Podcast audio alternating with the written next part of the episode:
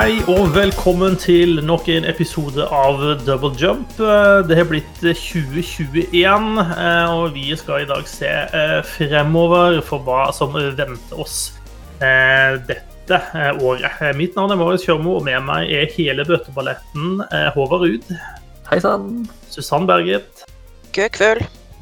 God kveld. og Gøran Solbakken. Da liksom standarden vi skal sette for 2021, så føler jeg kanskje at vi kom ut litt på feil eh, fot. Jeg syns det var ganske riktig fot, jeg. jeg. vet ikke. Syns det? Ja. Ja. Synes du var, er det, er, Har du noe nyttårsforsett? eh, Eller burde vi ha noe nyttårsforsett, mener du? Å nei. Nei, det, da må man jo strebe etter noe. Og det er jo på en måte hele nyttårsforsettet, er jo å ha minst mulig å jobbe etter og mot og opp til. Ja. Jeg tenker Hvis han ligger, ligger på sånn jevnt middels, så, så tenker jeg det blir bra. Ja. Sette seg oppnåelige mål. Ja. tenker jeg er greit. Eller så er det det vanlige, da. Gå ned ti kilo, begynne å trene, spise mindre godteri og mer grønnsaker og sånne ting som man aldri følger opp. Begynne med roller derby, den type ting. Ja. ja. Jeg tenkte jeg skulle begynne, å, å begynne med sånn eh, MMA-langrenn. Der jeg prøver å, prøver å takle mest mulig folk som er ufine i langrennssporet. Sånn når skiskyting blir for kjedelig, så ja. Tenk så gøy å, å, å se på to mennesker prøve å slåss med langrennsski på beina. Gjerne i nedoverbakke. Altså, da hadde jeg nesten kunnet interessere meg for sport. ja. I tettsittende drakter, da, selvfølgelig, Susanne, hvis det hjelper. Det hjelper veldig. Klart det hjelper. ja. Eller bare bare overkropp, jeg mener. Hvis du først skal prøve å tekke publikum, liksom. Det blir jævlig kaldt, da. Ja. Ja. Ja, nei, jeg tenker det Så jeg tenkte jeg skal prøve det til helga. Se om jeg finner noen uh, uvitende ofre. Og så bare altså, det er, Hvis jeg er på god nok fart, skjønner du, så kan jeg gjøre jævlig mye på kort tid. Hvis jeg treffer med godt, godt moment, så får jeg flytta de ganske langt, tror jeg.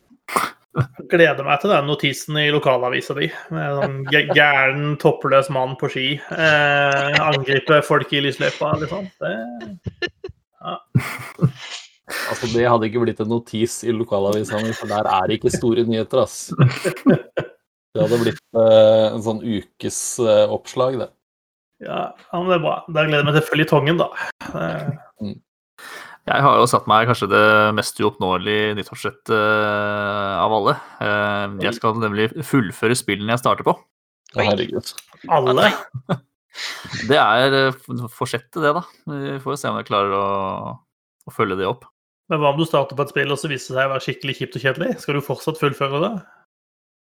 Eh, Hvis det er så kjedelig at jeg heller vil grave ut øya med teskje, så kanskje jeg dropper det, ja. Men uh, er, så lenge det er tålelig, så, tror jeg, så er det meninga at jeg skal komme meg gjennom. Det var, det var litt av en skala vi jobber med her, føler jeg. Uh, ja. Men greit. Det, det, det er jo et uh, Jeg har spilt ett nytt spill i år, og det har jeg fullført. Så jeg føler at jeg er på god vei der, altså. Ja, nå er du på glid. Ja, jeg er på glid. Eh, Hva med du, Susanne? Skal du forbedre deg i år på noen selvs måte? Nei. Tenkte jeg skulle bli verre, jeg. Ja. Jeg Så prøvd eh, forbedre noe som er liksom helt der oppe, det er vel Altså, det Ja, er det er umulig. Ja. Nå har jeg prøvd de siste årene, og det har gått skikkelig dårlig. Så da tenker jeg i år skal jeg bli verre, og så kan jeg i hvert fall oppnå noe. ja. Ja, få litt sjøltilliten tilbake, mestringsfølelse. Mm. Ja. Nå har jeg gått på eh, litt for mange, mange smeller ved å prøve å forbedre meg selv. ja, Jeg ser den. altså. Jeg tenker det kunne vært fint om 2021 ble et år der jeg brukte joggebukse litt, og litt sjeldnere enn jeg gjorde i 2020. Men eh, vi får se. Nei. Nei. Jeg er glad i Nei. Ja, det er helt sant. Jeg tenker uansett at jeg skal spille mye dataspill i 2021. Det, den står jeg ved. Um, og vi kan jo kikke litt på lista over hva som kommer fremover. fordi vi har jo liksom noen spill som har en gitt dato. Ikke at vi nødvendigvis kan stole 100 på det, men uh, det gir oss et utgangspunkt. Og så har vi noen spill som er annonsert at det sannsynligvis kanskje skal komme en gang i 2021. Og så har vi jo noen spill som vi gleder oss til som vi absolutt ikke tror kommer til å komme i 2021, men som vi har lyst til å prate om for det fordi at vi gleder oss til de, og er litt irritert på at ikke de kan komme i morgen. Um, så tenker vi bare begynne, egentlig. Um, og i februar så skal Super Mario 3D World pluss Bowsers Fury komme. Uh, jeg har lyst til å tippe at det kan være Håvard som har satt opp det på lista. Det er det. Ja. Hva, hva, er, hva er det, og hvorfor gleder du deg til det? Uh, fordi det er Super Mario 3D World. Um, det er jo uh, nok et Wii U-spill som kommer på Switch. Um, det er den hvor alle Hvor man fikk den kattedrakta. Ja. Um, Ja, det er hvor eh, Mario blir en furry. Det er, det er riktig. Og Peach og Toad og Luigi. Um, og så er det denne Bowsers Fury som er uh, som en sånn slags utvidelse av uh, eh, Er litt mer innhold. Um, verden har vel ikke sett stort mer enn litt uh, trailere, så man vet ikke helt hvor mye det er. Men eh, jeg tror det bare er en sånn liten en liten chunk med ekstra innhold. eh, Med flere brett og litt andre mekanikker, kanskje. Altså Super Mario 3D World er bare liksom det gamle spillet, men så har de lagt noe nytt i en utvidelse som, som kom i tillegg. Det Ja. riktig? Ja. Det er riktig. Så det gleder jeg meg til. Uh, jeg husker ikke om jeg spilte ferdig Super Mario 3D World da det kom, så Dette blir jo en test for nyttårsforsettet. ja. Det blir spennende. Og det blir jo dumt å ryke liksom i eh, begynnelsen av februar, da, men eh, Ja, nettopp. ja. Altså, jeg, tror jeg, ikke, jeg tror ikke jeg skal ryke på Super Mario. De pleier å klare å holde på oppmerksomheten. ja, De er, det er så bra. Det Super Mario-spillet der er skikkelig bra, syns jeg. ja. Det bare det kom så mange av de eller sånn, som ligna på kort tid. Eh, det begynte med liksom en ny Super Mario Bros. på Wii, som var en sånn fra A til Å, eller A til B, 2D og 2,5D kanskje, med sånn 3D-figur i 2D-verden. Um, og så kom det bare så mange sånne Super Mario-spill på, på rad. Flere på Wii, Super Mario 3D Land til 3DS, Super Mario 3D World, New Super Mario Bros. U. Uh, som alle var sånn fra A til Å. Uh, så det ble litt sånn mett på det. Så jeg tror kanskje det var derfor jeg Mm. datt av Super Mario 3D World. Det var det siste liksom, i den uh, rekka, tror jeg. Eller det er vel det siste Super Mario-spillet, sånn ordentlig Super Mario-spillet før Odyssey, tror jeg. Ja, det tror jeg det var. Ja, ikke sånn, Det sånn være. store satsings-Super Mario, i hvert fall. Um, så ja. Um, så det blir gøy å gi det en uh, ny sjanse. Og så ser jeg veldig fram til Bowsers Fury, som er uh, mer og nytt. ja. ja men kult. Uh, håper å si italienske rørleggere i kattedrakt. Det er jo noe vi alle ønsker oss mer av. Så Så det kan bli bra. Uh, neste på lista er Bravely Default 2. 26. februar. Ja. Jeg eh, eh, spilte litt Bravely Default også, men jeg, av en eller annen grunn så datt jeg litt av det når det kom. Men jeg har lyst til å prøve igjen med, med nummer to i rekka. Det er ja, litt sånn typisk uh, JRPG-spill fra Litt sånn retroaktig med turbaserte kamper og sånn. De har veldig kult kul sånn vri på kampsystemet, og så har det en litt sånn kul variant av liksom klasser eh, som du kan kombinere litt som du vil. og sånn. Så ser det det ser eh, smashing ut. Så det gleder jeg meg til å prøve. Ja. Det er ikke noe jeg har noe kjennskap til. Jeg, jeg ser, det, er en sånn, det, det er mye sånn art eh, som er lagt til Bravely Default 2, som er sånn håndtegna og ser skikkelig fint ut. Og så syns jeg at det du ser liksom, av faktiske klipp fra spillet, ikke stemmer veldig overens med det. Eh, Nei, det er litt sånn eh, bakgrunner og verden og sånn ser veldig sånn, og så er figurene litt sånn de stikker kanskje litt ut. Men ja, får se åssen det blir. Jeg er litt spent på å se om det, om det holder på oppmerksomheten min lenger enn det første spillet. Ja. ja, de figurene så ut som litt sånne der dårlige Funko Pops, syns jeg, men, eh, men. OK. Ja. Men jeg er enig, de andre bitene så veldig eh, lekre ut. Ja, men kult. Um, 18. mars så kommer Prince of Persia, The Sands of Time remake. Ja, da Jake Gyllenhaal i, i HD. Oh, det blir sjukt, altså. Uh, Var den ja. filmen så dårlig som jeg husker den? Ja. Ja, den var det. Ja. Den er veldig forglemmelig. Dessverre. Dessverre. Men Sands of Time er kult. Det var et morsomt spill, syns jeg. Mm. Mener jeg å huske når det kom. Ja, jeg, jeg har ikke noe sånn forhold til det, men det var på Når var det det var? Var det på PlayStation 2, eller var det på den originale PlayStation? Det kom ut. Sier PlayStation 3, men Det så, det eh, så nytt. Jøss a meg. ja, jeg hadde litt lyst til å se det. Uh, skal vi se. Nei. PlayStation Nei, 2 og PlayStation 3. Ja. Ja. Da var det PlayStation 3 jeg spilte det på. PlayStation 2, eh, originale Xbox ser det ut som det kommer på, på GameCube. Ja. Og GameCube. ja. Gameboy Ja. Advance, da. Til og med. Yes.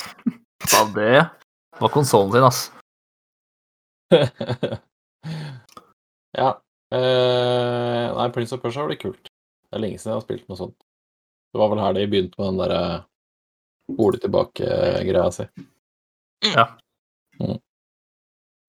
Men, men dette er, er på en måte bare en litt sånn Altså, er dette en veldig gjennomarbeid- gjennomarbeida remake, eller er det sånn de tar bare det gamle spillet og oppskalerer det, eller det er ikke liksom Jeg regner ikke med det får hele Final Fantasy 7-behandlinga, liksom. Det vil jeg ikke tro det gjør. Nei. Nei, men det virker jo som de har lagt litt ekstra arbeid i det, sånn ut ifra det lille vi har sett så langt. Så er det mer enn bare en, liksom, en ren oppskalering. Det er liksom Vi tar og gir det et ordentlig ansiktsløft, tror jeg. Ja, men det høres uh... Da- da kan det bli gøy. kaller de det. Mm. hva, hva sa du, sa du? De kaller det en full scale remake, faktisk. Jeg vet ikke hva det betyr. Men Ja. uh... Nye videosekvenser, bedre lyd, bedre stemmeskuespill, animasjoner, lydspor. Ja, det ser ut som de gjør ganske mye med det, altså. ja, det er men kult. Mm. Ja, Da kan det jo bli stilig. For det er ikke alle spill fra den æraen som holder seg så fryktelig godt sånn grafisk. Så det kan det jo faktisk bli aktuelt å spille det igjen. Ja. Stilig. 26. mars så kommer et spill som heter It, It Takes Two. Ja. Yes. Det er jo, jeg håper å si, eh, for dataspillkjennere så er det spillet akkurat det det høres ut som. Det er det neste spillet til Josef Fares. Eh, eh, Der to karakterer skal samarbeide om ting, I guess. Ja, altså det virker som de er type De er et ektepar som kanskje ikke har oppført seg så fint i ekteskapet eller mot kidsa sine eller et eller annet, og så blir de cursed til å være dokkefigurer. Og så må de komme seg gjennom en sånn helt sprø hinderløype før de får lov til å bli mennesker igjen. Ja, for det blir plutselig litt sånn eventyraktig, det de liksom må komme seg gjennom. Mm. Samtidig som det helt sikkert skal si noe om forholdet deres i, i det virkelige livet og sånne ting samtidig. Ja, ja, ja. Det, de kommer, altså Fares kommer nok til å smøre ganske tykt på med, med, med symbolikk og metaforer, ser jeg for Mm. Så ser det ut som det blir mer sånn plattformhopping og gåteløsning enn det det var i det forrige spillet som ble rømt fra fengsel, som heter A way out. A Way Out. Det ble fem poeng, det, til Susanne. Ledere, da, eller hva? Ja, ja foreløpig. Nå har du ledelsen. Ah, nice. Eh, It Takes Two er da ikke basert på filmen fra 1995 med Mary-Kate og Ashley Olsen uh, og Steve Gutenberg, Uh, som sikkert er kjempegøyal. Eh, Ja, du er jo flink med referanser. Sikkert mange som hang med på den. Ja, det, det regner jeg med. Folk som så, så god komedie på 90-tallet. Det regner jeg med. Eh, Kena Bridge of Spirits skal også komme en gang i mars. Visstnok. Ja, visstnok. Det er jo et eh, Hva sa du? Probably. Probably. Kanskje internasjonal. Ja, jeg prøver. Prøver å branche ut litt, som det heter. Men det er jo dette et eventyrspill med eh, den jenta Kena i hovedrollen, og masse små svarte pelsdotter eh, til, som ser ut som vennene hennes. Det ser veldig sånn Zelda-aktig ut, hele, hele spillet. Ja. Så jeg vet vel ikke så mye om det. Det var en kjempefin trailer i fjor sommer i der eh, showcasen til PlayStation. Mm. Ehm, som fengsla meg, i hvert fall. Det er det er faktisk et av spillene jeg ser mest fram til uh, i år. Bare fordi det, det ser helt nydelig ut. Fargerikt og Mm. Jeg gleder meg også veldig til det. Jeg tror, eh, eh, jeg tror det kommer til å bli kjempefint. mm. Minner meg om et uh, om, um, cameo Elements Power. Yes. Eh, jeg får liksom de vibbene når jeg ser det. Uh, Det det spillet spilte jeg mye, ass. ja, Det var det var jo un undervurdert spill på Xbox uh, back in the days.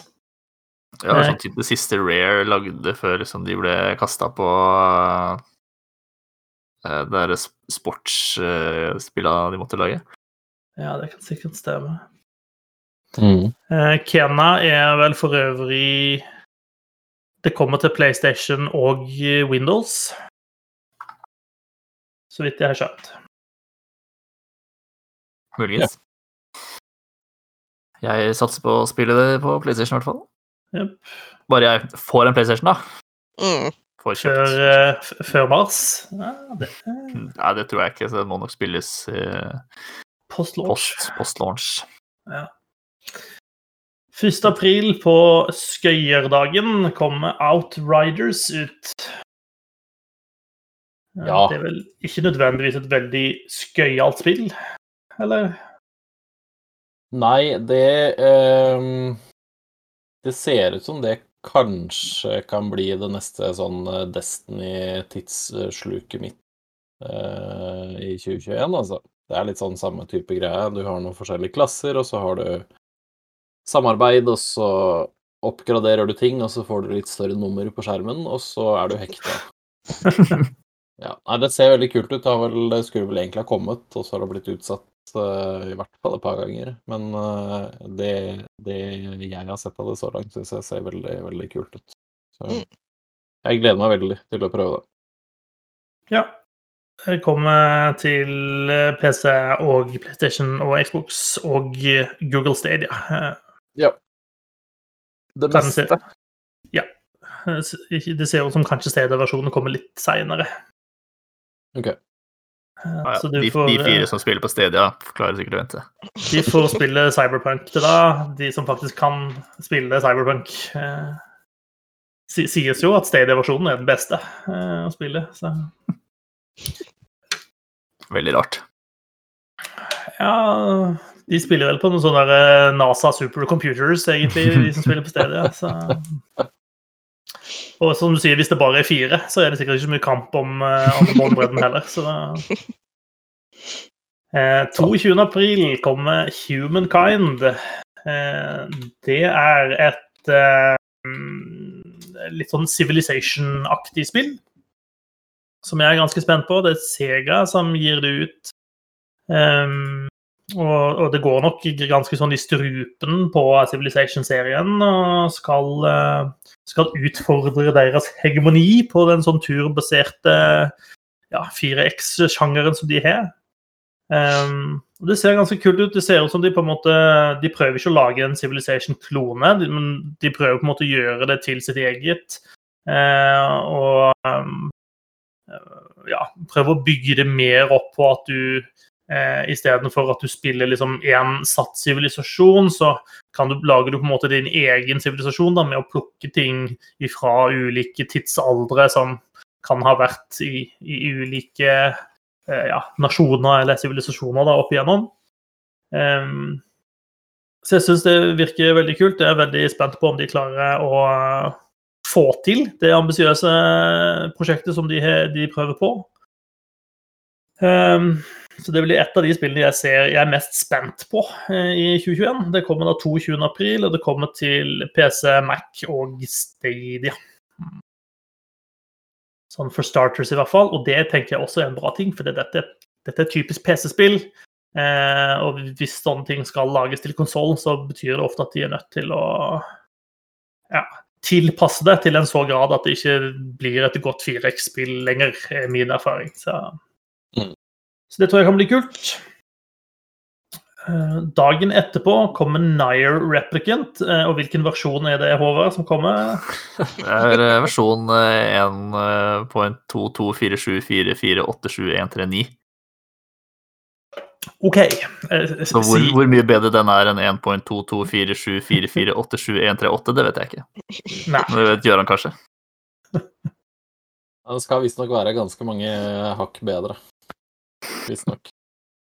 Ja, altså det går jo ikke an å ikke glede seg til uh, Nier. Uh, Eh, jeg jo, hoppa jo på Nei, det gjør det ikke. Det er kjempelett. Bare, bare vent, det. Uh, jeg hører ikke hva du sier, jeg nå. Jeg har en sånn dårlig linje akkurat nå, faktisk. Uh, dette er en, en remake, en ny versjon av det originale Nier-spillet, uh, som jeg kjøpte Jeg kjøpte det en eller annen gang etter at jeg spilte uh, Nier Automata. Eh, men det var, det var ganske Det var en seig opplevelse å gå tilbake til det da. Eh, så jeg kom liksom aldri ordentlig ordentlig i gang. Eh, ifølge, ifølge Nier-ekspert eh, Øystein Furuvik på Gamer, så sier han at det her er milevis bedre enn Nier Automata. Og han liker også Nier Automata veldig godt. Så Ja, du og Jonas holder jo de automata steike Ja. høyt. så Ja. jeg har eh, fryktelig høye forventninger, så jeg kommer til å bli skuffa, mest sannsynlig. Men jeg gleder meg i hvert fall. that's life. Ja. Eh, og en uke etter Nye Replicant så kommer Pokémon Snap. Ikke nødvendigvis en direkte konkurrent, kanskje, men uh... Ja, det, det, altså, Ja, du det er jo har, Taro som lager det her. Altså, det, det, du skal aldri si aldri. du har sju dager på deg til å bli ferdig med nier. føler du appellerer til veldig mye av den samme målgruppa. Ja, men det er jo litt eh, kult. uh, Pokémon Snap eh, Nå blir det vel en serie, da, nå som spill nummer to eh, kommer. Um, ja, for dette er new Pokémon Snap. ja. For det ble, kom jo et Pokémon Snap på Nintendo 64, så det er jo mer enn 20 år siden. Um, så, så det blir litt gøy å se um, Jeg vet ikke om det jeg tror ikke det blir noen kioskvelter for meg akkurat. Jeg syns ikke Jeg har bare sett litt sånn speedruns av uh, Pokémon Snap. Um, og så forbanna gøy ser det jo ikke ut. Um, man triller jo liksom bare rundt i sånn uh, Sitter i en, en bil, i hvert fall i eneren, da. Siden man har en bil som triller gjennom uh, levelene, så må du uh, Så tar du bilde av Pokémonene som står på sida. Uh, så er det av og til litt sånn ting du kan gjøre for å trigge at en Pokémon skal dukke opp, da, som kaste et på, en, på et stort blad. Uh, så titter en Pokémon fram fra bladet, eller noe sånt. Um, så jeg er spent på hvordan det, hvordan det blir. Om de gjør noe annerledes for å piffe det opp litt, eller om det blir en sånn Om det blir, der, om det blir 30. april, da, at uh, nyttårsforsettet mitt ryker. det kan det hende. Uh, ja, vi får se. Jeg tror ikke det er sånn noe som er kjempegøy å spille gjennom mange ganger. Ikke for meg, men eh, kanskje for noen. Men det, dette er da liksom kikkerversjonen av Pokémon? Altså Istedenfor at du skal catch them all, skal du ligge i buskene og snikfotografere dem? liksom? Ja. Ja, ja. ja, ja all right. Det, det er greit. Plutselig så ble Susanne skikkelig interessert, faktisk.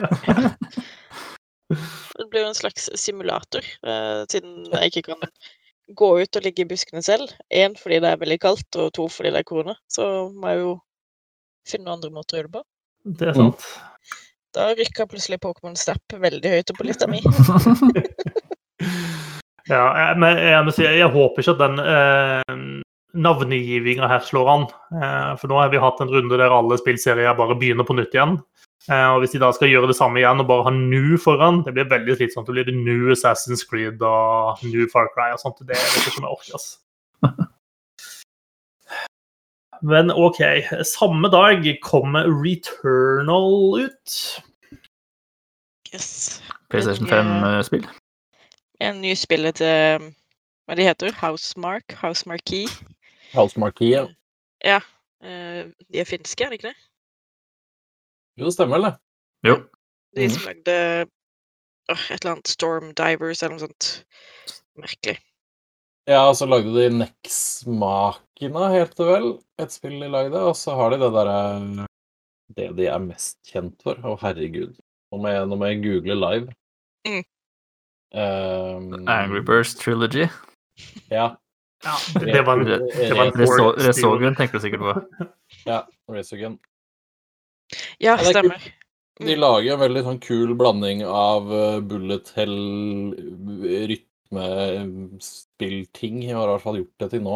Så um, spennende å se hvor det ser veldig kult ut. Ja, altså, jeg hater tittelen. Jeg syns den er kjempeteit. Men eh, det de har vist så langt av trailer og gameplay, ser jævlig kult ut. Mm. Mm. Jeg tror det kan bli litt skummelt, så det spørs om om jeg må overlate kontrolleren til, til samboeren, eller om jeg tør å spille det selv. Men det er veldig sånn uh, rogelike, uh, time loop, eh, et eller annet weird ass eh, alien shit Mm. som foregår. Og det er bare stemninga i spillet virker så jævla intens og kul. Eh, så jeg, jeg gleder meg, på tross av at tittelen er teit. Ja, det er en litt sånn sci-fi horror-stemning Mm, der, som uh, ser guffent ut, for å si det mildt. mm. Eh, apropos guffen stemning. Eh, når vi bikker inn i 7. mai, så kommer Resident Evil Village. Eh, og det må jeg si er det er det første Resident Evil-spillet på mange mange år som jeg har liksom tenkt at dette ser ut som noe jeg har lyst til å prøve meg på. Det er på grunn av hun høye vampyrdama, ikke sant? Mm, kanskje. Eh, Hæ? Nei, hvilken høy vampyrdame? Hvilken? Ja. Eh, nei, jeg synes det, ser, det ser jo sånn umiddelbart da, så ser det ut som det er litt annerledes enn en del av de andre Resident Evil-spillene. Flere høye vampyrdamer enn de tidligere spillene. Det er også sånt. Eh, ja, nei, jeg syns, syns eh, det ser ut som de går veldig for, for en sånn der en creepy stemning i spillet. Eh, så jeg håper på en måte at de klarer å At det ikke bare er cinematiske trailere, men at det er en del av spillet. At ikke du ikke de faller tilbake på den litt sånn kjipe 'jeg er en bevegelig tank som rusler rundt og skyter folk med hagle hele tida'-greia, som, som er mitt forhold til Resident Evil, som jeg vet at det er mange andre som syns den serien er fabulous. Eh, det gjør ikke jeg, dessverre, men dette, dette appellerer til meg så langt. Det Eh, forrige nye Resident Evil var jo en litt sånn eh, et, et steg på veien mot det de er, eh, driver med nå, tror jeg. Mm. Jeg tror kanskje du kan hadde likt det bedre, for det også var litt mer sånn eh, samme, samme type stil som het Hva er det det heter?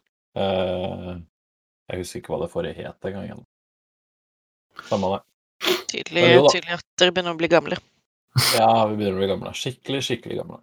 Men eh, jo da. Hele, hele internett er jo all for å bare bli brukt og misbrukt av denne vampyrdama. Det, det er å bare henge seg på, det. Til og med jeg har lyst til å spille Resident Evil nå. Og det er i hvert fall på grunn av hun dama. Ja, det legger jeg ikke skjul på. No shame. Endelig har de klart å erstatte Milla Jovovic, eh, liksom. Det, ja. Nei, altså, det er ingen som Det går erstatter hun. Nei. Nei. Hei. OK, da. OK, da. Jeg er i den. Jeg så nettopp Fifth Element igjen, eh, det er en så utrolig digg film. Mm. Milla er kul. Jeg har ikke fått sett Monster Hunter ennå, men jeg kommer til å gjøre det. Og det er Den er visst Den er visst bedre enn man skulle trodd. Huh. Ja. Jeg følger en eller annen, sånn, en eller annen fyr på, på Twitter som uh, anmelder filmer. Uh, han skrev at den, er gans, den var veldig mye mer morsom enn det den hadde rett til å være. Og la oss bare omfavne Mila Jovovich som action-goodien. Mm, Det kan bli godt. Det er jeg med på. Eh, 21. mai, eh, da har liksom pølsene og iskremen fra 17. endelig begynt å, å bevege seg gjennom systemet. Da kommer en av kanskje 2021s største og mest eh, etterlengta titler, eh, nemlig Deathloop. Yes. Det er eh, Bethesda som gir det ut, men eh, det er lagd av uh, ah, Hva heter de, da? Arcane? Arcane, ja. Stemmer det. Um, og det ser Det ser grisekult ut. Og så er jeg jo veldig spent på hvordan det funker i praksis. For det er jo litt sånn, jeg syns det er litt mystisk ennå, akkurat hvordan eh, spillet henger sammen. Mm. Men det er litt sånn, det er litt sånn hemmelig agentopplegg med tidsreising på en måte i en slags loop, eh, derav navnet, tror jeg. Mhm. Um, Så er det om å vil... ta livet av de andre agentene. ja, Agenten eller agentene, jeg husker ikke helt. Det var vel flere, var det ikke det? Jo, Jeg altså i det traileren, i traileren, den første traileren, så var det vel bare én, og det virka som de var type erkefiender eller noe. Men av det jeg har sett av gameplay, så virker det som det er flere, ja. mm, Ja, for der på, Jeg mener det var på en av de de viste, så kunne du liksom få til loopen din sånn at du greide å plukke to stykker samtidig. Mm. Eller er det noe jeg har drømt? Det kan, kan sikkert være. Eh, de er jo kjent for å, å leke seg og gjøre, lage ganske sånn intrikat level design i Ar- Arcane, så um, eh, Det vil ikke er, overraske meg. feil, det er vel ikke feil å si at de er en av de bedre på akkurat det. Nei, det er jeg helt enig i. Um, nei, det, det tror jeg kan bli veldig kult. eh, og dette kommer fra en fyr som eh, Som skal vi si sterkt misliker tidsreise som konsept. Jeg synes eh, Jeg er kjempeglad i science fiction, men tidsreising synes jeg er det dummeste som fins. så de som klarer å gjøre det så bra at jeg liker det, da har de fått til noe, i hvert fall. Så gjenstår det å se om Arcade lykkes med det. Um, men jeg digger jo begge Dishonored-spillene, så jeg har stor eh, forhåpning om at dette loop kommer til å bli kult. Men det er, det er jo et spill som er i den sånn pussige situasjonen at det er en PlayStation-eksklusiv som er produsert av et firma som er eid av Microsoft. Det er ganske rart. Så vi får se, da, om, om det blir Er det- eller. Er det Microsoft eller Sony som gnir seg i hendene når det selger veldig bra, da? Nei, begge, kanskje. Eh, Kanskje? ja det er, altså, det er nok sannsynligvis en sånn tidseksklusiv greie. Det er sånn, jeg tipper at det spillet kommer på GamePass ved første anledning, liksom. Men uh, 21. mai så må du også ha en PlayStation for å spille det, og det har vel i hvert fall uh, Det mener jeg Microsoft har vært ute og sagt også, at, uh, Mm. at eh, det, det, det, der, der er det gjort en avtale som man kommer til å stå ved, da. Mm. Deathloop tror jeg blir kult. Mm. Ja. Fire dager senere, 25. mai, da kommer Biomutant. Tror vi. Hva, hva er det? Spill om, om biomutants. Ja. Obviously. Å ja. ja, da så. Ja. en kunstner med ord. Eh, Biomutant er, er ikke det Det er litt sånn action, rollespill eh, Litt à la Dark Souls eh, i combat, men kanskje ikke så vanskelig. Men med, eh, med som Susanne sa, Biomutants som både hovedrolle og monstre. Veldig Mm. sånn litt sånn tegneserieaktig, veldig fantasifulle monstre som ser teite ut, men som samtidig ser ut som du kan bare rive deg i filler. Jeg synes det ligner litt på om, om, om, om Ratchet and Clank. Jeg, jeg tenkte at det var liksom, character-designerne til Viva Pinata som hadde slått seg løs her. oh, Det er i hvert fall for, fargerikt og kult. Uh, Steam sin beskrivelse av det sier at Biomutant is an open world post-apocalyptic kung fu fable RPG. Så Ja. Det går jo ikke an å ikke like det, tenker jeg da. mye å ta tak i, føler jeg. Mye å glede seg til. ja. Ja. Jeg, jeg, Det jeg ser er enig i det. Det ser stilig ut. Men ja, altså øh, Jeg syns bare det virker eh, dritkult. Eh, Jeg liker, det- liker det liksom disse dyra, og jeg liker det at du mest sannsynlig kan blande liksom denging med skyting og eh, spesielle liksom ferdigheter i ganske sånn sømløs eh, kamp, da. Så jeg, Mm. jeg tror det kan bli jævlig gøy å spille det, hvis man, hvis man greier å få alle disse tingene til å funke sammen.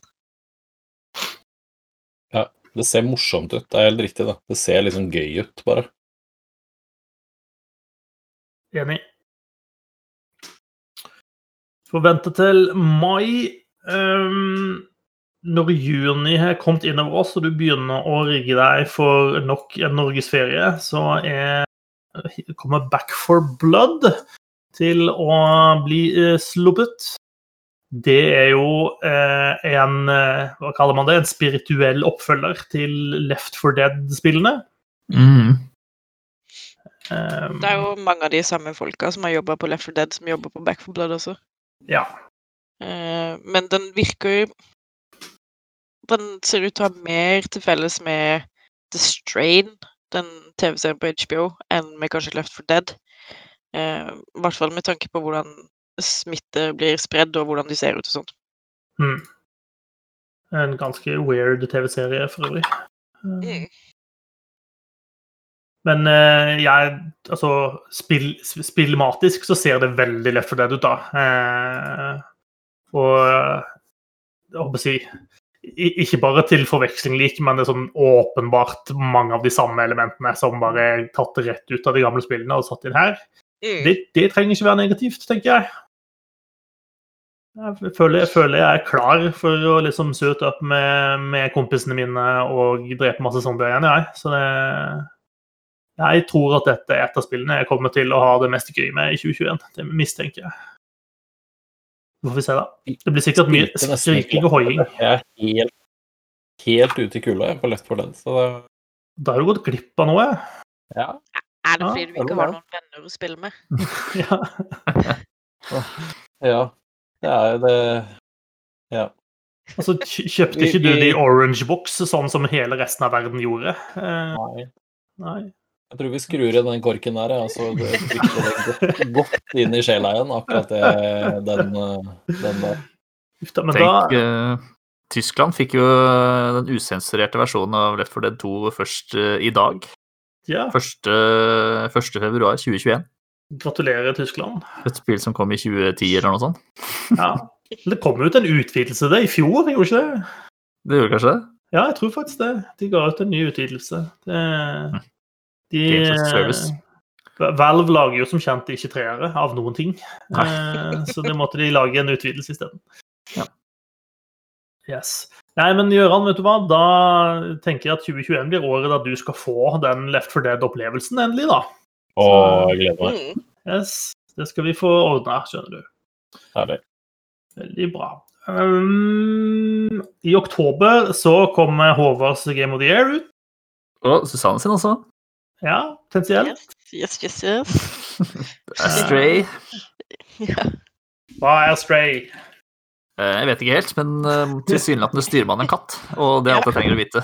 Og så er det noe, noen roboter involvert. eh, ja. Og så er det veldig sånn eh, neon, eh, neonlys. Mye av det. Mye Ja. lilla neonlys. Mm. Eh. trenger du å vite noe mer? Nei. Det er litt sånn Blade Runner eh, eh, stil på verden, kan det virke som. Mm. Eh, Og du styrer en katt som kan hoppe rundt. eh, føler det liksom mangler noen detaljer her, da, men altså, for all del. Nei. Nei. Og katten har en eh, sekk. Mm. Oi. Um, Det er, det er jo prikken over i-en, detaljen uh. som uh... ja, det burde jo holde i massevis. Egentlig, hvis de bare laga en stor, åpen verden der du får være en katt, så holder det. Mm. Trenger ikke noe mer. Så altså Goat Simulator, bare katt? Mm. Ja. OK. Det, det er bare å, å plukke ideen her, folkens. Eh, eh, vi, det er ikke mange prosentene vi tar i royalties, så det er bare å kjøre på. Uh, Stray blir i hvert fall å finne på PlayStation og på PC i oktober, forhåpentligvis. Kanskje. Jeg tror ikke det er sagt noe, men uh, jeg tror det er noen butikker som har vært ute og, og satt oktober som, eh, som dato. Det står oktober på Wikipedia-siden, i hvert fall. Det må vi jo ta som god fisk. Eh, Nei, men da kommer det oktober. Da Ja. er all tvil eh, borte. Riktig. Eh, den samme måneden får vi også eh, muligens eh, Ghostwire Tokyo. Eh, og det er et sånn skrekkspill som er lagd av de samme folkene som lagde ja, Hva het det igjen? Evil Within-spillene. Ja. Eh, og her er du på Du er på spøkelsesjakt i Tokyo, egentlig, tror jeg. Ja, det ser litt sånn ut. Det ser bare Det ser litt sånn uh, spooky ut, men ikke overdrevent eh, sånn Å, shit, dette greier jeg ikke å spille spooky. Uh, Ja. Kul stil og Ja. Det skal være litt mer action enn uh, en Evil Within, som var mer sånn Å, shit, nå må jeg bare løpe, for dette går til helvete-spill. Ja. Jeg synes, ja, nei, jeg syns Ghostwire Tokyo ser, ser skikkelig gøy ut. Mm. Uh, weird, eh, absolutt, men eh, jeg tror det kan bli ganske kult. Ja, jeg tror på det. du, du har liksom litt sånne nesten sånn magiske evner. Eh, Du bruker liksom noe paranormal abilities, eh, som de kaller det. Eh, og, og han som er combat director, for det må man selvsagt ha i et sånt spill, eh, han beskriver stilen som eh, karate meets magic. Eh, det, det er jo noe jeg føler kan selge meg ganske greit, i hvert fall. Ja. Det er noe å se frem til, tror jeg. Det er også spillet som ble vist av hun eh, Ikumi Nakamura på E3 i 2019, tror jeg. Som alle ble så forelska i, for hun var så morsom på, på scenen. Ja, og hun var så- Så glad for å få vise frem spillet de jobber på. Mm. Ja. Så slutta hun tre måneder senere. Ja. Mm. Life goes on. Eh, Så har vi en lang liste med spill eh, med ukjente dato, men som vi mistenker kommer til å komme ut eh, i år. Det, for det var litt morsomt, fordi vi hadde masse spill opp til og med slutten av juni, altså første halvår med dato, og så hadde vi to spill som var satt til oktober, og så ikke noe mer Ja. som har sånn dato eller lanseringsvindu eller noen ting.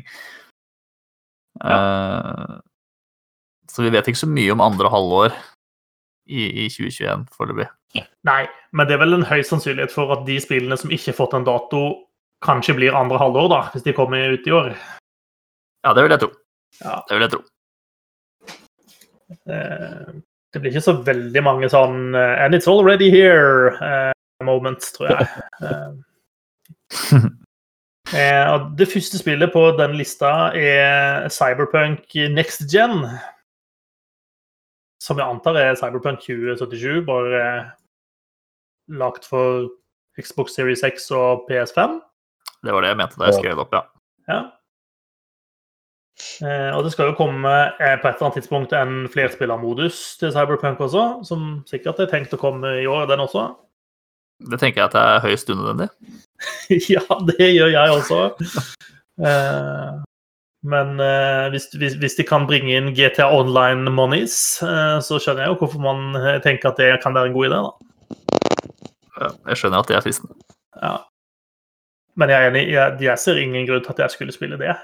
Eh, akkurat nå så sliter jeg med motivasjonen for å spille Cyberpunk igjen i det hele tatt, etter å runde det en gang. Så de, der må de komme seg i gang med å A, fikse spillet, og så fylle det med mer innhold, eh, tenker jeg. Mm. Jeg har ikke spilt det ferdig, jeg sliter med å motivere meg til å spille videre. Ja. Jeg Nå tror jeg jeg altså er på det oppdraget For Cyberpunk har fått mye oppmerksomhet i det siste fordi det er eh, et av hovedoppdragene. Så bare låser dialogen seg med en person som du må prate med.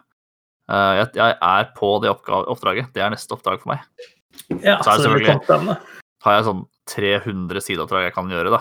Men eh, jeg tenker sånn, hvis jeg er litt demotivert eh, fra før, så er det liksom kanskje ikke mer cyberpunk. Som sånn irrelevant cyberpunk. Noe jeg egentlig har lyst til å bruke tida på. Eh, Der er jo sideoppdrag i det spillet som er veldig gode, da. Ja da, si. det er det, det, er det nok. Det, det, det, hør Game of the Year-sendingene våre, så prater vi en del om det der. Der er, på tross av alle sine åpenbare feil og mangler, så er det noen bra ting inni der også. Ja. Eh, men vi kan vel egentlig kanalisere Altså, Cyberpunk ble offisielt gitt ut i fjor, men kanskje det kan bli et bra spill i år. Ja. Ja. Um, Far Cry 6 er vel et spill som skulle komme ut egentlig om ikke så lenge, hvis jeg husker. Og så har det blitt tatt vekk den releasedatoen igjen, og blitt utsatt til ubestemt tid. Ja, det skal vel bare komme en eller annen gang i løpet av eh, neste Hva heter det? Finansår, eller noe sånt? Som er Ja. mellom 31. mars og April til mars, ja. Ja. Ja, det det, det, det skal komme Pleier ikke Far Cry å komme sånn type mars, eh, mars-ish? Er ikke det liksom Far Cry-vindu? Jo, men det var vel egentlig planen at det skulle komme tidlig, tidlig 2021, og så ble det utsatt på ubestemt tid. Ja. Ja. Men det ser man jo fram til. Sånn Syns det er borgerkrig og eh, Heter han Giancarlo Esposito en sentral rolle og sånn? Det ser, eh, må jo bli bra. Mm, han er alltid en bra skurk. Mm. Det kan bli kult. Du blir tatt med til en uh, middelhavsøy, der det er fullt opprør og tjo og hei. Så det kan bli artig. Eh, og det spillet som alle stortitlene til eh, Ubisoft kommer ut på rubbel og bit av ting og tang. Eh, PlayStation, Xbox, PC, Google Stadia og Amazon Luna, for å være sikker. Så Luma, ja. Yes. Jeg vet ikke. Det er sånn Jeg blir ikke helt klok på den Far Cry-serien, altså. Jeg føler det er ofte en sånn serie som eh, Så det er mye hype om, og så er, lever liksom aldri spillene helt opp, på en måte. Det er sånn Jeg føler Far Cry-serien er en sånn sikker terningkast fire-spill, liksom. Alle sammen, omtrent. Ikke, er, er, er dere uenige med meg her? Jeg kjenner jeg greier ikke å, jeg greier ikke å glede meg sånn derre dritmye til Far Cry lenger. Det er litt sånn De, de har plassert seg som sånn derre midt i den derre Dette er så Ubisoft-spill som det går an å bli. Eh, men jo da, det, jeg, ser på en måte at det lokker med, med ny bad guy og sånn, men det, eh, de, må, de må gjøre et eller annet med de spillene snart. Et eller annet. Jeg veit ikke hva. Jeg har ikke noe svar på det. Men eh, de har gått i samme trøyta siden treeren nå. Ja, jeg er litt enig. Jeg tror, tror liksom Far Cry 3 var et sånn De to første spillene var på en måte noe, noe litt annet. Og så traff de liksom en slags oppskrift på Far Cry 3, og den har de holdt seg til siden, på en måte. Kanskje, kanskje skulle det kommet noen nye folk inn og, og tenkt eh, litt nytt om serien? Kanskje? Vi får se. Kan jo være de gjør noe spenstig i dette spillet. Ja, for all del. Vi får se. Eh, God of War Ragnarøk. Ragnarøk! Mm. Kommer ikke 2021, det, vet du. Nei, det gjør ikke det. Det sto jo det på traileren. Sto det på traileren. Ja, nei, det er ikke godt å si. eh, Vi fikk jo ikke se noen ting annet enn eh, logoen. Eh, så foglerne vet hvor mye Hvor langt de er på vei de er med det prosjektet. Men jeg gleder meg nå uansett. Ja, jeg er så jævlig hyped på det spillet. Det er helt vilt. Mm. Oh, det var så bra, det. Jeg gleder meg så sykt til å se de sin tolkning av Ragnarøk. Bare en sånn uh, kjapp sånn uh, apropos her. Uh, God of War fikk en gratis oppgradering nå i Jeg tror det kommer i morgen, tirsdag, når vi snakker, da. Eh, der den blir eh, forbedra på PlayStation 5 med synker til 60 frames, 4K oppløsning, 2360P, og den er gratis. Masse annet som også fikses. Så nå er det bare å kjøre gjennom God of War en gang til for de sju i Norge som har PlayStation 5. Ja, jeg skulle si Denne oppdateringen hadde jeg satt veldig pris på om jeg hadde en PlayStation 5. Jeg syns de heller burde kalt spillet New God of War, da. Men, men, okay. men det er greit. Yep. Nei, eh, Wikipedia sier at det kommer i 2021, så da må vi nesten tro på det, altså. Ja, det sto på i traileren, som sagt. Ja. Ja da. Det kan jo være at de har liksom utvikla det kontinuerlig siden de begynte på første God of War. At de har liksom kjørt en slags tandemutvikling fordi det har en veldig helhetlig historie. Så da gir det mening å bare gønne på. Mm. Kanskje. ja. Samtidig så var vel altså God of War var et PlayStation 4-spill. Dette skal vel være et uh, PlayStation 5-spill, så det er vel sikkert noe teknologihopp inni der også, vil jeg tro. Ja, de har hatt uh, PS5 hardware, hardware så lenge. Og... Ja, OK. Kanskje. Sikker, sikker, jeg er sikker på at uh, selv Santa Monica Studio er sikker på å sitte og se at sånne scalpers er stukket av med alle konsollene. Så derfor kommer de ikke til, til å gi ut God of War Ragnarok på PS5 som, eh, som hevn. Bare på PS4. Mm. Kommer kun på Amazon Luna. Eh, Breath of the Wild 2. Ja, det er vel en Man vet vel ikke det kommer uh, ennå. Uh, man uh, går vel og håper at det, er en, det er et spill som, som kommer mot på, på tampen av året. Redde julesalget til Nintendo. Ja. Så for øvrig virker som det går ganske greit med Nintendo om dagen. Jeg syns jeg så at Animal Crossing har solgt eh, over 30 millioner kopier eh, siden sist, så Jeg vil være på et snaut år, da. Ja. Ja, altså, det- Nintendo er ikke noe GameStop, men de gjør det vel greit, tror jeg. Ja. Jeg Ja, tror ikke de nei, men lider det- noen, eh, noen nød, akkurat. Nei, jeg tror ikke det. Men det Blessed Wild høres uh, Vi har jo fortsatt også bare én trailer der, tror jeg. Um, som ser innmari eh, spennende ut. Um, Det er der du endelig får spille som Link og ikke Selda, ikke sant? ja. Ikke selv han han i de grønne klærne, nei. nei. men vet vi noe om Battle of the Wild 2, egentlig?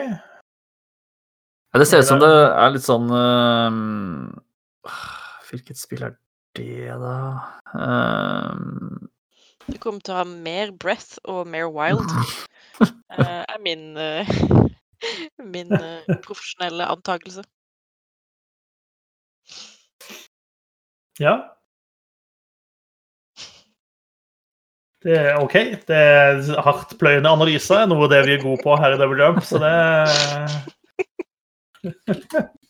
Eh, Nei, nei, jeg tullete. Jeg ikke husker hva det spillet heter, da. Det, det Zelda-spillet um, På Jeg Snes.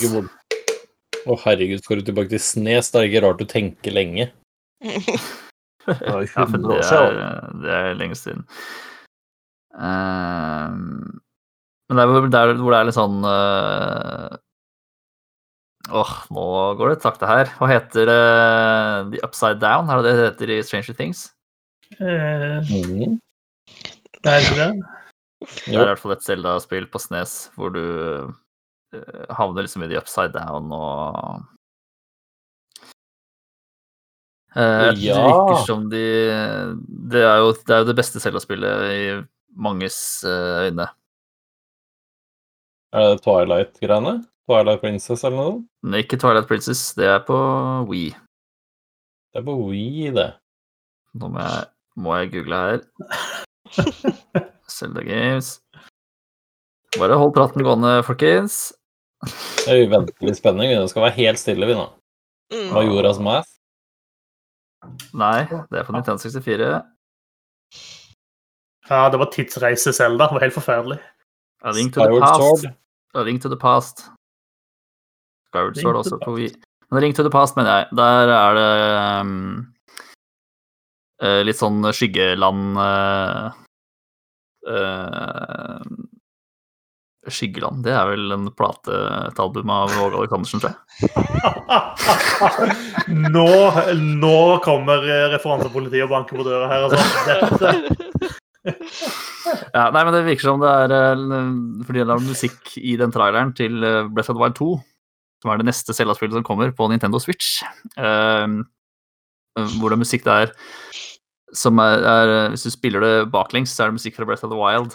Eh, og sånn er det også i A Link to the Past, hvor da i, i Skyggeland, ikke Åge Aleksandersen-albumet, uh, så spilles er det musikken baklengs av det de gjør i den virkelige, virkelige verden. Um, um, så man vet liksom ikke helt I traileren så er jo Link og Zelda nede i en kjeller og en, eller en hul eller noe sånt, og ser ut som de pirker borti liket til Gannon. Uh, så man vet ikke om det er noe som skjer før handlingen i Breath of the Wild, eller uh, etter, eller hva det er. Det vet man jo ikke uh, helt sikkert. Men det blir spennende å finne ut i, på tampen av året. Vi ser en ny lekkasje nå der det er noen som har skrevet at det kommer i Q2. Men eh, det er jo selvfølgelig ikke bekrefta noen steder. Nei, Nintendo er jo ganske hemmelighetsfulle sånn sett. Eh, Men Q2, det passer bra. Det er jo brått uh, sommerferie, det, hvis du tar en tidlig sommerferie. Ja da. ikke hold your breath of the wild på den. Oh, smooth. Påskeferie hvis det kommer veldig tidlig i Q2. Ja, jeg, det har jeg ingen tro på at det kommer da, men det, det er greit. Jeg, jeg tror du skal være glad hvis du får det til jul, ja. Jeg har heller ingen tro på påskeferie. Et annet spill som du kanskje får i løpet av 2021, er Halo Infinite. Eh, Jeg så en eller annen tweet som sa noe sånn som at eh, nå har utviklerne av Halo Infinite slutta å utvikle spillet. Og nå driver de bare med bugfiksing og oppussing. Så jeg tenker det var jo litt på tide, hvis spillet skulle ha kommet ut for en stund siden.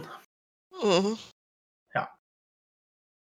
Ja, men bare altså, Aldri, altså, aldri for sent å begynne med bugfixing. Nei, det er sant. hvis du spør uh, CD Project Red. Begynne seks måneder etter at det ble gitt ut. Ja. Tenker det også.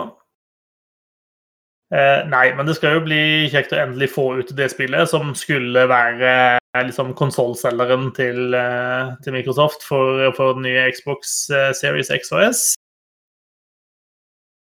Kjør på Masterchief. Kom igjen. Ja, Q3, Q4 er anslagene på, på det. Det er jo et uh, flott år, det, etter at det egentlig skulle komme. Det skulle være relaunch-tittel, skulle det ikke det? Mm. Jo da, Series 6. det skulle det. Ah, Jeg må få spilt Halo 5. Ja, Du har litt tid på det, da. Ja, heldigvis. De har sikkert lagt inn en sånn 30 timer lang unødvendig kjørescene eh, i det spillet, ser jeg for meg. Ja, jeg forventer Ja, spille det gjennom Halo Wars-serien også. Eh, Ja, ja, Oh. Så jeg skulle spille alt, så da, da blir det alt. Da blir alt. Det er bra. Jeg har vel også en halvannet Halo-spill, tror jeg, før jeg er klar for Infinite. Jeg tror jeg er halvveis i, halvveis i fireren. En liten velsignelse for dere, rett og slett, denne utsetninga her, da. Eh, Ja, faktisk. Ja, Nei, men greit. Det er mer, mer Master Chief på eventyr. Eh, jeg, jeg kunne ikke fortalt deg historien i hele serien om det store livet, men eh, Nei, faen, hvis jeg noen gang blir liksom kidnappa og får redde livet, så må jeg fortelle hva Halo handler om. så jeg er fucked, ass. Da- ja. Da er det bare å kaste deg på sjøen med en gang. Ikke- Ja. Ikke bedre drive- og dra ut det her. Eh, mye bedre å se på den derre eh, på Polygon, der han Brian, ja, Brian David, David har lagd en sånn eh, Hva er det de heter, da? De, den videoserien hans der han har lest alle Halo-bøkene. Unraveled. Ja, Unraveled med Halo. Den er, den er helt fantastisk, den, eh, den episoden. Mm. Han har jo Altså, det var et par bøker å ta av. Han brukte, han brukte vel over et år på det. Ja. Ja. Mm.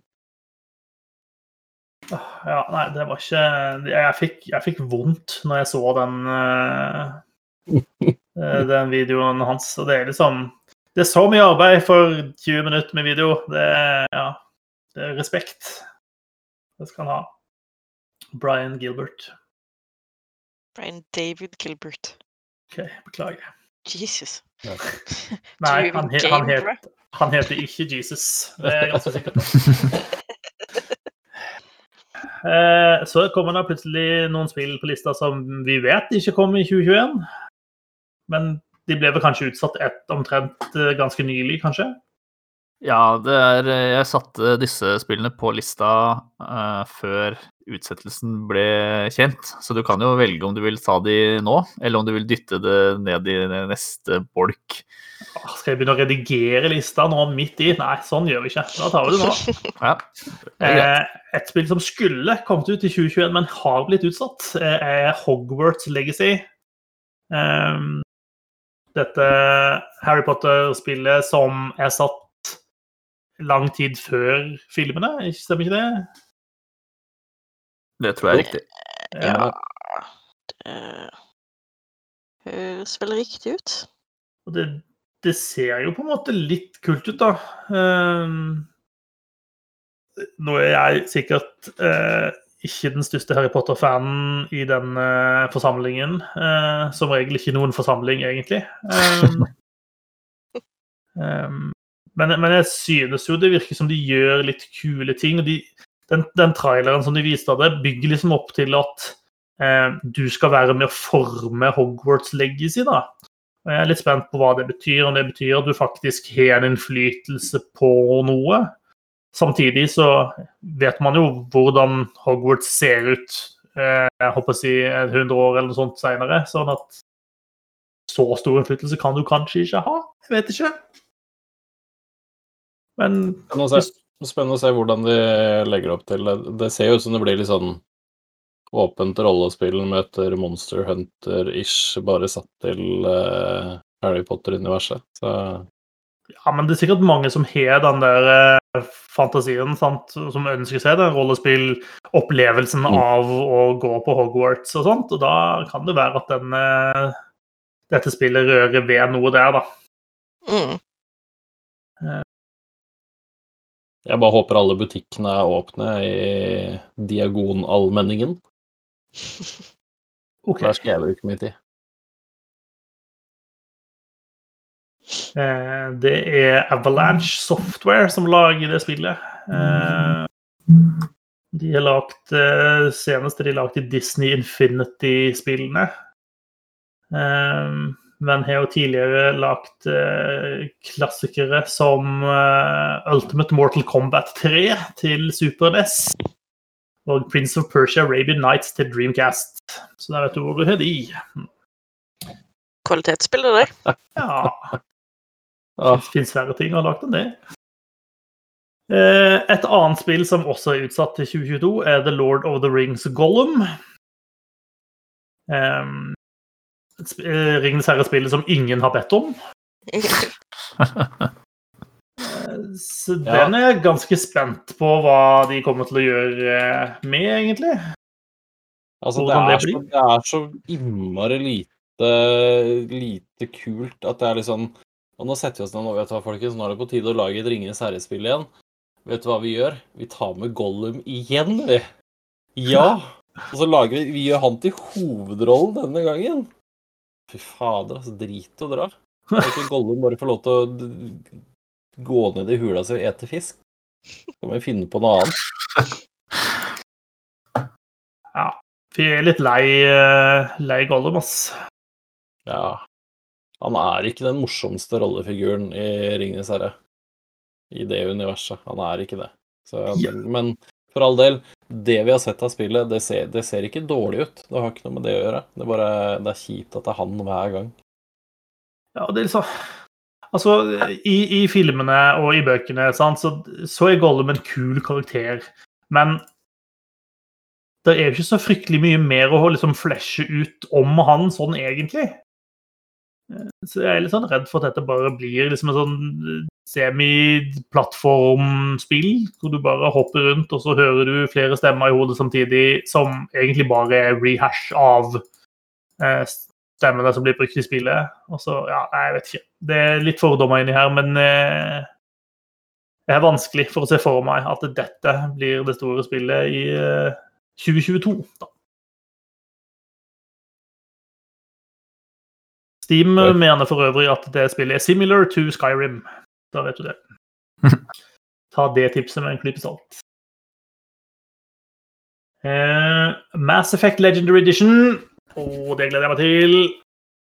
Det er jo da en oppussa versjon av de tre eh, første Mass Effect-spillene. Eh, Det er så og kule det, spill, da. Det er så kule spill, det. Det er faktisk eh, det. er faktisk det. Det er eh, Xbox 360-æraens beste spillserie, vil jeg hevde. Til og med. Så mye motstand heller, da. Altså. Det er hårete. Jeg, jeg står for den. Eh, vet- Bioshock var kult, men eh, Mass Effect-serien, den, eh, den holder seg, altså. Mm. Dette blir jo min eh, min uh, Mass Effect-jomfrudom. At det var Ja. jaggu på tide. Ja, jeg har faktisk ikke klart å komme meg gjennom de spillene. Men uh, nå er det jo ingen uh, unnskyldning. Nei, nå er nyttårsforsettet satt. Nå er det ikke noe valg. Begynner du nå, så må du kjøre på. Ja. Ja. Jeg regner med at dette Det er blir eh, må, Dette må jeg kjøpe ved siden av uh, GamePass Ultimate, eh, som jeg allerede har, regner jeg med. Ja, det vil jeg tro. Ja. Dette må du nok kjøpe, eller så kommer det på Om, om et år, kanskje. Et år etter Ja. at det er lansert. Ja. ja, eller to. Det kommer an på hvor stor suksess det er. Eh, Mass Effect Andromeda kom ganske raskt på den der EA-tjenesten, fordi at det var alle, folk slutta å kjøpe det. Så Rart med det. Ja. Nei, det gleder jeg meg til. Få et gjensyn med Shepherd-triologien eh, i oppussa versjon. Det, det skal bli awesome. Eh, jeg syns toeren og treeren sånn teknologisk holder seg veldig bra, men eneren er litt uh, Den er litt sånn uh, Litt utdatert, uh, syns jeg. Mm. Men uh, det skal bli gøy å spille den med litt eh, litt mer moderne drakt. Ja.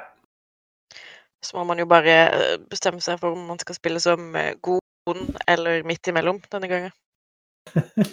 Og, og det er jo ikke god eller ond, det er jo bare eh, Ja, jeg vet ikke hva som er, skalaen der, egentlig, men det er vel eh, snill eller tøff, kanskje, eh, som er skalaen. Jeg vet ikke. Mm. Eh, sånn for, for det meste, i hvert fall. Og så får du et valg på slutten. Ja. Men ja, det kommer jeg til å bruke masse tid på, helt sikkert. Eh, Open Roads, hva er det for noe? Eh, det er det nye spillet til de som har lagd Takoma og Gone Home. Ja, det er det, ja, stemmer. Yes. Det er det. Eh, ja, som eh, foreløpig ser ut til å være litt sånn roadtrip-aktig spill. Med en mor og dattera som er på tur for å finne ut av eh, hva bestemora, eller ja, hva bestemora egentlig har drevet med i sine yngre dager. Fordi hun har nylig dødd, virker det som, og så har de funnet en dagbok hvor det er liksom referanser til en sånn uh, tyve-stjelebande som tydeligvis har stjålet diamanter og noe greier. Uh, så virker det som de prøver å nøste opp i det her, da. Jeg syns det, finne ut av hva, ja, hva hun bestemora egentlig drev med.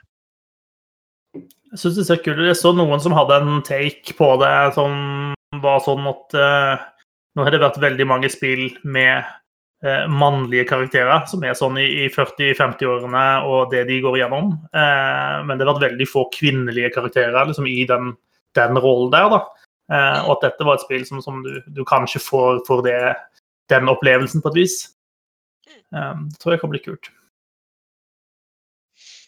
Ja, og så ser du jo Det ser veldig stilig ut. Det har en veldig sånn særegen tegneserieaktig stil, og så er det jo også eh, bra stemmeskuespillere med. Eller i hvert fall Keri Russell blant annet spiller vel mora, tenker jeg.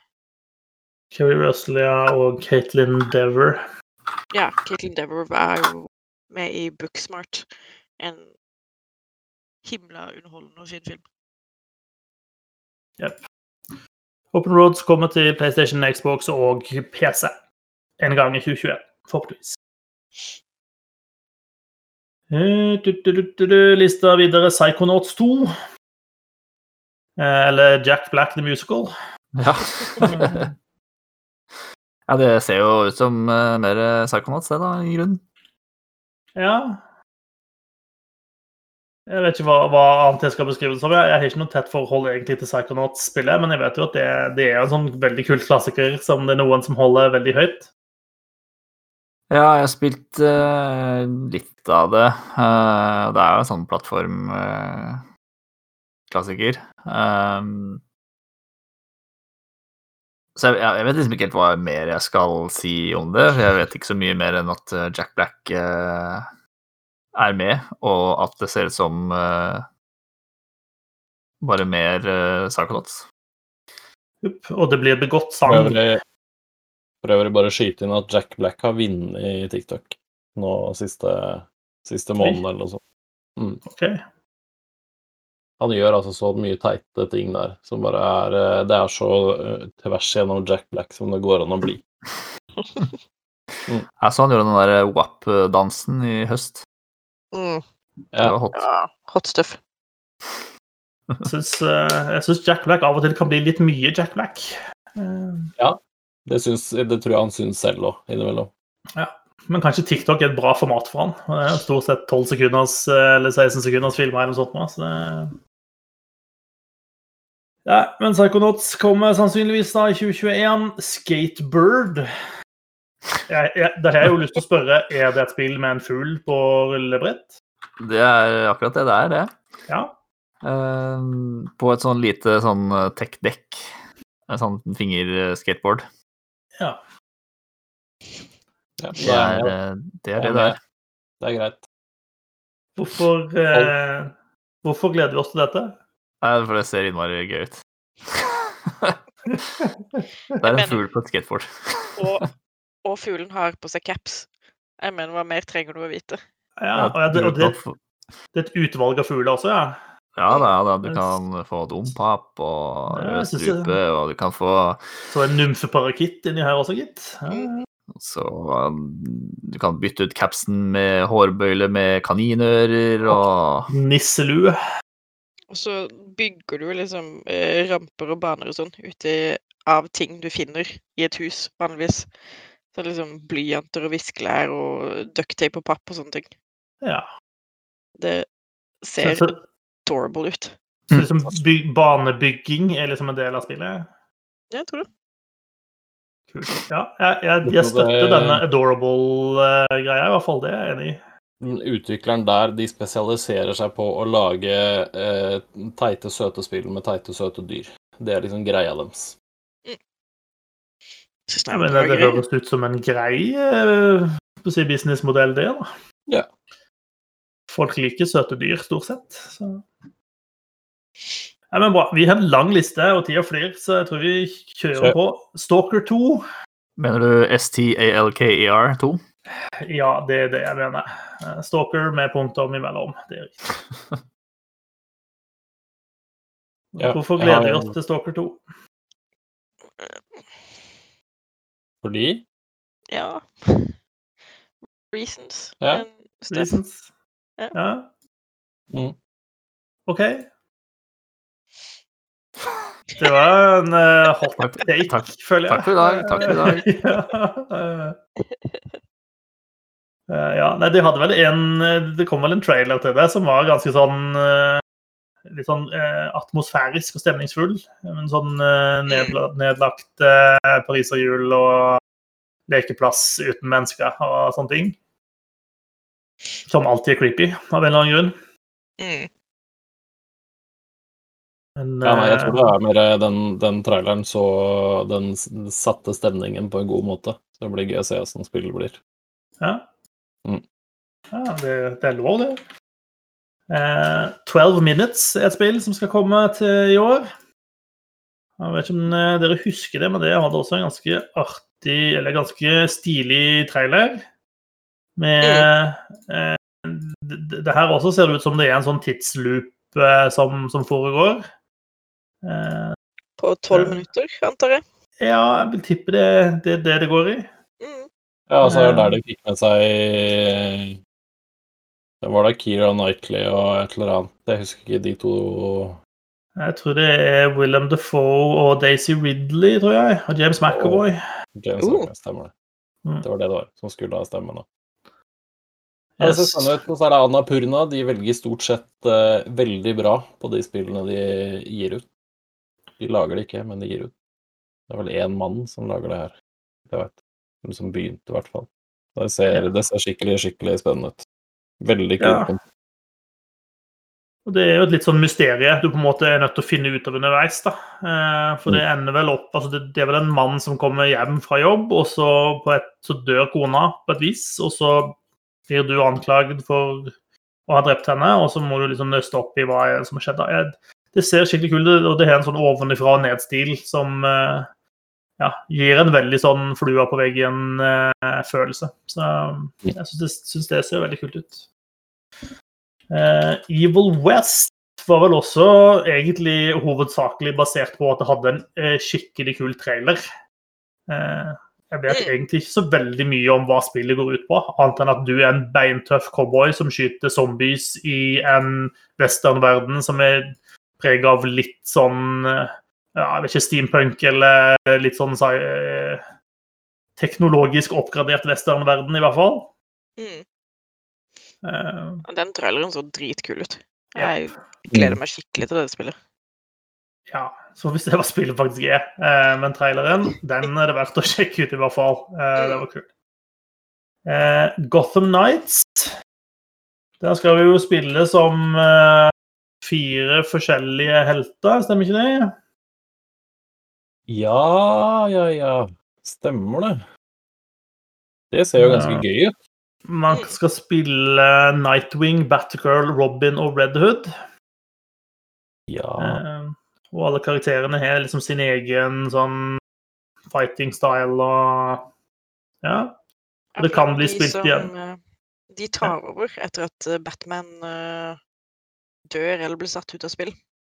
Er på ferie, sier vi. Ja. Er på ferie, ja. Ja. Eh, Batman dør ikke, han er bare på ferie. Ja. Ferie eller karantene, en av de to. ja. og alle de man kan spille som, er jo Alle disse har jo vært protesjeene til Batman på et eller annet tidspunkt. Og det er på tide å step up to the task. Mm. Yep. Du kan spille spill alene, eller du kan spille det i to-opp eh. Em, og spillet kommer til PC, PlayStation og Xbox.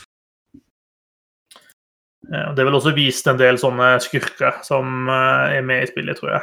Mr. Freeze, for eksempel. Jeg håper det er Arnold som har stemmen til han. Det vil overraske meg, men eh, hvem vet. Horizon Forbidden West. Det er et spill. Det, det er det. Jeg tror, jeg tror det. Ja. Eh, Oppfølgeren til Horizon Zero Dawn, hva det het Yep. Ja. Eh, som, som vi tror kommer i 2021. Eller håper, er vel eh, riktigere sagt. Ja. Håper kommer i 2021. Det Guerrilla Games lager, det ser eh, Altså, Zero Dawn var dritkult. Eh, med disse ro robotiske dinosaurene som eh, man driver og jakter på. Det ble jo Eh, sågar DJ Goti i 2017. Ja. Jeg må si det, I den serien, altså Horizon Zero Dawn, sånn første gangen når de viste den første liksom, announcement-traileren for det, det tror jeg var på E3, det var sånn Da satt du med den følelsen av at dette spillet det kan aldri bli så kult som det ser ut som. Men eh, det ble det faktisk. Eh, så all honnør til de for det. Eh, og vi har vel all tro på at de kan klare å lage en god oppfølger også. Mm. Det blir sikkert mye mer av det samme, tipper jeg, men det trenger jo ikke være kjedelig av den grunn. Det gjør ingenting, da. med, med svømming under vann. Uff da. Mm. Det høres ikke bra ut. kan sånne robot, eh, robotdinoer under vann, det. Det er ikke noe kult. Åh. Så jeg har aldri prøvd å skyte pil og bue under vann, men jeg tipper at det ikke går så veldig bra. Hvis jeg gjør det, i hvert fall. Hvis noen greier det, så er det Aloy, Mm. tenker jeg da. Nei, men jeg er spent på å se hvor de tar historien, sånn egentlig. Eh, Det var jo en sånn liten cliffhanger på slutten av eh, første spillet. Så jeg vet ikke om, eh, om det kommer til å plukke opp den tråden, eller om de bare gjør noe helt annet. De, spiller, de setter på Go West-låta, og så er det en ny historie. Eh, Go West. Bla. Bla, bli, bla, bli, bla, bli. Ok. Eh, hvis du får skarra til deg en PlayStation 5 eller en gammel PlayStation 4, så kan du spille det når det spillet kommer. Kanskje forhåpentligvis mot slutten av 2021. Mm. Rainbow Six Quarantine. Det syns jeg egentlig ser litt kult ut. Eh, det kom en trailer til det på E3 i 2019. eh, Der det antydes at uh, det er noen skumle ting som har brutt løs, som man skal skyte på. Og så er traileren litt sånn at uh, den, den leker litt med deg, så du vet ikke helt Var det var det liksom skyggen av noen monstre man så, eller var det bare noe i hodet ditt. Eh, men det, bygger vel opp på at det her har det skjedd et eller annet kjipt, og Rainbow Six må inn og rydde opp. Eh, og det virker som om de legger opp til litt mer sånn eh, ja, en litt skumlere eh, greie enn det de har hatt tidligere i Rainbow Six. da. Det kan jo være, kanskje være kult. Ja, så er det tre, tre player co-op.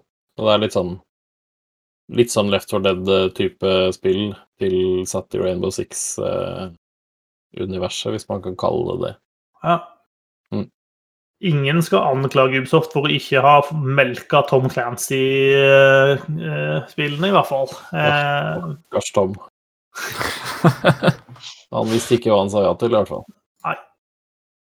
men i hvert fall, det syns jeg ser kult ut. Sable, hva er det for noe? Sable er vel kanskje Kanskje spill. det lettest gjenkjennelige spillet på hele lista her, tror jeg. Mm. Sånn stilmessig. Ja, det er det, ja. Stemmer. Mhm. Ja, det, det har du for så vidt eh, rett i. Det har en veldig Ja, det er liksom Det er vel først og fremst bare måten det ser ut og beveger seg på, som er sånn der Å, shit, det her må man jo bare spille. Eh, men eh, jeg tror du eh, Du drar til eller blir sendt til en eller annen planet eller noe sånt, og så skal du utforske den. Husker jeg riktig da? Eh, Ja, eller du skal i hvert fall ut, ut i ørkenen eh, og eh, glide rundt. Du skal gjennom en Ja. sånn der eh, right of passage, i hvert fall. Stemmer, det var det det var, ja. Mm. Nei, men det, det ser bare så Det ser så sjukt ut. Det ser så innmari, innmari tøft ut. Sånn stil. Får litt sånn journey-vibbe, bare med en, en, en unik uh, art-style, liksom. Kanskje. Kanskje. Kanskje. Ja, Mm. vi får se. Men jeg er enig i den, eh, den, den sånn håndtegna stilen som ser skikkelig unik ut, da. Så det, Ja, det er liksom Ja. eh, litt inspirert av eh, Studio Ghibli blant annet, men også Møbius. Med en fransk eh, Mhm. tegneserie, ja. tegneserieforfatter, da. Eh, Han skrev eh, The Incal, blant annet. Eh, Jobba også mye med Jodorowsky. Eh, som i sin tid ble tappa til å eh, stå for artworken til eh, Alien-filmene. Ja. Eh, men som det ikke ble nå, så ble jeg Gigur i stedet. Hva du veit. Ja. Nei, eh, ikke Alien. Jeg mener så klart Dune. Eh, men eh, Ja, men han eh, Prosjektet ble scrappa. Eh, som er veldig synd, fordi Jodorowsky er dritkul, og han i samarbeid med Möbius, de, de lager så jævlig mye kult. Stilig. Mm. Eh, Vampire the Masquerade Bloodlines 2. Det er en håndfull, eh, eller en munnfull, om du vil, det navnet der. Eh, skal komme i 2021. Det spillet skulle jo ha vært ute allerede, vel, men har blitt utsatt eh, etter en eh, ja, trøblete produksjon, tror jeg man kan si. Det har vært mye som ikke har stemt helt der, og så kom det vel en trailer i fjor som var litt sånn fikk litt blanda mottagelse, kan man kanskje si. Litt sånn at det på en måte, det var kult at de tørte å gjøre noen av de tingene de gjorde, men sånn rent Mm. grafisk så så det litt søppel ut, på en måte. Ja. Det blir spennende å se. Eh, Ja, så det er litt sånn Jeg tror forventningene er litt lavere til det spillet enn det det kanskje en gang var. Eh, Så får det heller muligheten til å overraske positivt. Jeg synes jo Vampire the Masquerade Bloodlines er Ja, hvor skal vi sette da? Det er i hvert fall topp ti rollespill noensinne, tror jeg. Um, så det holder jeg veldig høyt, og var skikkelig kult. Hadde skikkelig håp på at uh, toeren som kommer nå, skulle klare å liksom leve opp til uh, the legacy uh, der. Men uh, vi får se. Jeg er ikke helt overbevist ennå. Path of Exile 2, Gøran. ja. Eh, det er bare et sånt, eh, et sånt indre håp om at det kanskje kommer helt på slutten av 2021. Men jeg tror det skulle stått på den eh, sjangeren under som heter da spill som sikkert ikke kommer i 2021. Men det det Ja. skal komme et Path of Exile 2. Det, er, eh, det blei annonsert, og de har vist noen både gameplay og trailer og alt mulig sånn, men de, de tar seg god tid. Så, men det kommer en toer en gang. Jeg yep. håper 2021. Da er du klar. Mm. Yes. Det er jeg. Siste på lista er Baldur's Gate 3. Et spill som du kan laste ned og spille i dag. Fordi det er Early Access. Jeg Mm, håper jo at det blir faktisk lansert i år, da. For jeg har ikke tenkt å spille det spillet før det er ferdig, eller i hvert fall har fått en ordentlig release. Ikke gjør det.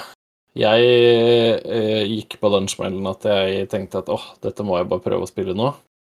Eh, og det er, ikke, det er ikke fordi det er nødvendigvis er dårlig, det som er der, men det er jo eh, Jeg spilte det x antall timer, og så ble det, ble det forsvant det litt i andre ting. Og så eh, plutselig så kom det en nyhet om at å, nå, vi, å, nå oppdaterer vi spillet, så nå blir alle C-games sletta. Da kjenner jeg at dette gidder ikke jeg være med på heller. Nei. Så uh, det er Ja. Vi har snakka om Baldur's Gate 3 før og hele den Early Access-greia der og sånn, men det er helt høl i huet at det skal komme i Early Access på den måten det gjør her. Enig. Så jeg håper at det får seg en full release. Men eh, de har ikke annonsert ennå når det skal være. Men eh, det burde vel kanskje være i 2021. Ja. Yes. Eh, vi skal kjapt innom et par spill som vi ikke tror kommer i 2021, men eh, som man jo kan håpe at julenissen eh, kommer, ser feil på kalenderen og kommer et par år for tidlig likevel. Elder Scrolls 6 skal vi, eh, skal vi si at det, sjansen er vel lik null for at det spillet kommer ut i år, i hvert fall. Det kommer i 2024, så det er bare å smøre seg med tålmodighet. Ja, det, det tror jeg kanskje flere år unna, ja. Uh... Det hadde vært jævlig kult, da. Med et nytt Elder Scrolls. Mm, det hadde det. altså, det er en stund siden Skyrim kom ut, så Og nå Ja. er det vel nå er det vel slutt på ting de kan gi ut Skyrim på. Ja, det er jo akkurat kommet nye konsoller. nettopp nye konsoller, ja. Det- Faen, stemmer det. Det er, flere, det er veldig mange som ikke har fått tak i de nye konsollene også, så Mm. det er en untapped market, som det heter på nynorsk. Ja, det kommer det sikkert en ny eh, Switch etter hvert de kan pumpe det ut på. og sånt. Nå oppgradert for Switch Pro, eller hva den skal hete. og Kommer noen nye telefoner ut. Jo, der skal å leve på de pengene lenge ennå. Graviditetstester kommer og nye hele tiden, så de må pumpe ut der. Så Smart kjøleskap. Ja da. ja, ja. Nei. Men uh, få ut fingeren, da. Hvor lang tid tar det å lage et ellers Scrolls-spill? Ja. Dragon Age 4, Susanne. Vi får vel neppe det i år heller. Det kommer, det kommer ikke i år. Nei. Det, nei, det kommer 2023, tenker jeg. Tror du det er så lenge til? Ja, Ja. eh, det tror jeg faktisk. ja. Jeg jeg er redd at du har redd rett. Ja. Jeg har ikke lyst til å ha rett. Nei, altså, jeg blir jo sjeleglad om det kommer ut før, men eh, Det er jo Er det ikke jævlig mye folk som har slutta i Bioware nå? Jo, det er det. Eller blitt sagt opp, eller hva faen? Det var vel meningen at de skulle jobbe med Anthem som de neste tre årene, egentlig. Eh, og så gikk jo den planen hardt i dass, da. Så da måtte de plutselig begynne å lage andre ting som folk faktisk hadde lyst på. Da måtte de vel kaste seg rundt og eh, Husker dere Dragon Age og Mass Effect? Eller det, det jobber vi med, altså. Mm. Anthem er det beste dårlige spillet som er lagd. OK, du får klinge til den. Det er greit. Mm. Eh, Men ja, neppe, neppe det. Starfield eh, Det kommer ikke ut i det hele tatt. Nei. altså, Det er jo litt, litt skummelt, for det skal jo egentlig komme før Ellers World 6. Det prosjektet tror jeg scrappa for lenge siden. Altså, hvis du ser det før 2023, så blir jeg overraska. Ja, Starfield er jo da Bethesda sitt eh, angivelig neste store rollespill, eh, som er satt til et eller annet, en eller annen annen planet, eller ute i verdensrommet, eller noe sånt. Ja. Det så sci-fi-traileren er sci-fi, i hvert fall. Mm. Ja. Um, jeg, ja, nei, ja, nei. Jeg tror ikke det kommer i år, men jeg Jeg kan tenke meg at det kanskje kan komme neste år. Altså, Bethesda har jo hatt en litt sånn historikk med å ikke komme med så veldig mye informasjon før et spill faktisk er foreliggende ganske snart. Så jeg sitter nok med litt håp om at det ikke er så langt unna, men eh, Grunnen til at vi sitter og er skeptisk, er jo fordi at Bethesda på et tidspunkt følte seg pressa til at vi må faktisk gå ut og si at ja, vi jobber med Starfield, ja, vi jobber med Elder Scrolls 6, og så får vi ikke se noe mer av det de neste 100 år, liksom. Ja. Eh, Nei, sånn jeg det- har jeg ikke noe tro på. Av alle de spillene her, så tror jeg det er det minst sannsynlig at kommer ut. Ja, det kommer noen spill nedover på lista som jeg, som jeg skal plukke opp den tråden på, ser jeg. Mm. Um, Et spill til som neppe kommer i år, er det Indiana Jones-spillet som Bethesda nylig annonserte. Det har jo skjedd eh, noe med disse eh, disse Lucas-rettighetene. Eh, Der hadde jo Electronic Arts en eksklusivitetsavtale. Den har tydeligvis gått ut, og man har lagd et eget sånn Lucas Arts-studio, Lucas Games eller et eller annet sånt noe. Og de jobber jo da med masse andre selskap for å lage spill Indiana Jones og Star Wars og sånt. Eh, Og Bethesda har da fått rettighetene til å lage et Indiana Jones-spill, og det er jo ganske spennende. Og det er, de, Ja. er det de Wolfenstein-utviklerne som skulle lage dette, stemmer det? Det er enda mer Ja. spennende at det er de som skal lage det. Ja. Mm. Blir mye, mye skyting. Er De det elsker jo å ta livet av nazier, liksom. Det er jo hele greia dem. ja. Ja, det der, er en, eh, det, det der syns jeg er en veldig, veldig kul eh, kombo. At det er de som skal lage eh, Indiana Jones. De gjorde det De gjorde så mye kult med Wolfenstein-serien med de spillene sine. Så der er jeg, det, det gleder jeg meg veldig til. Jepp. Det er altså, men det kommer nok neppe i år. Nei, Kommer ikke neste år heller, det tror jeg. Nei. 2023 tidligst. Et annet spill som sannsynligvis ikke kommer i år, er Avowed. som er også i den kategorien av dårligste spilltitler eh, som spill har fått. Men det er altså da det neste rollespillet fra Obsidian Entertainment. Eh, som ser litt ut som Skyrim, på en måte, men det er satt til Pillars of Eternity-universet. Eh, men der de foregående Pillar-spillene da har vært sånn ovenfra og ned-rollespill, så er dette da et sånn førstepersons rollespill der du kaster magi og, og tjohei.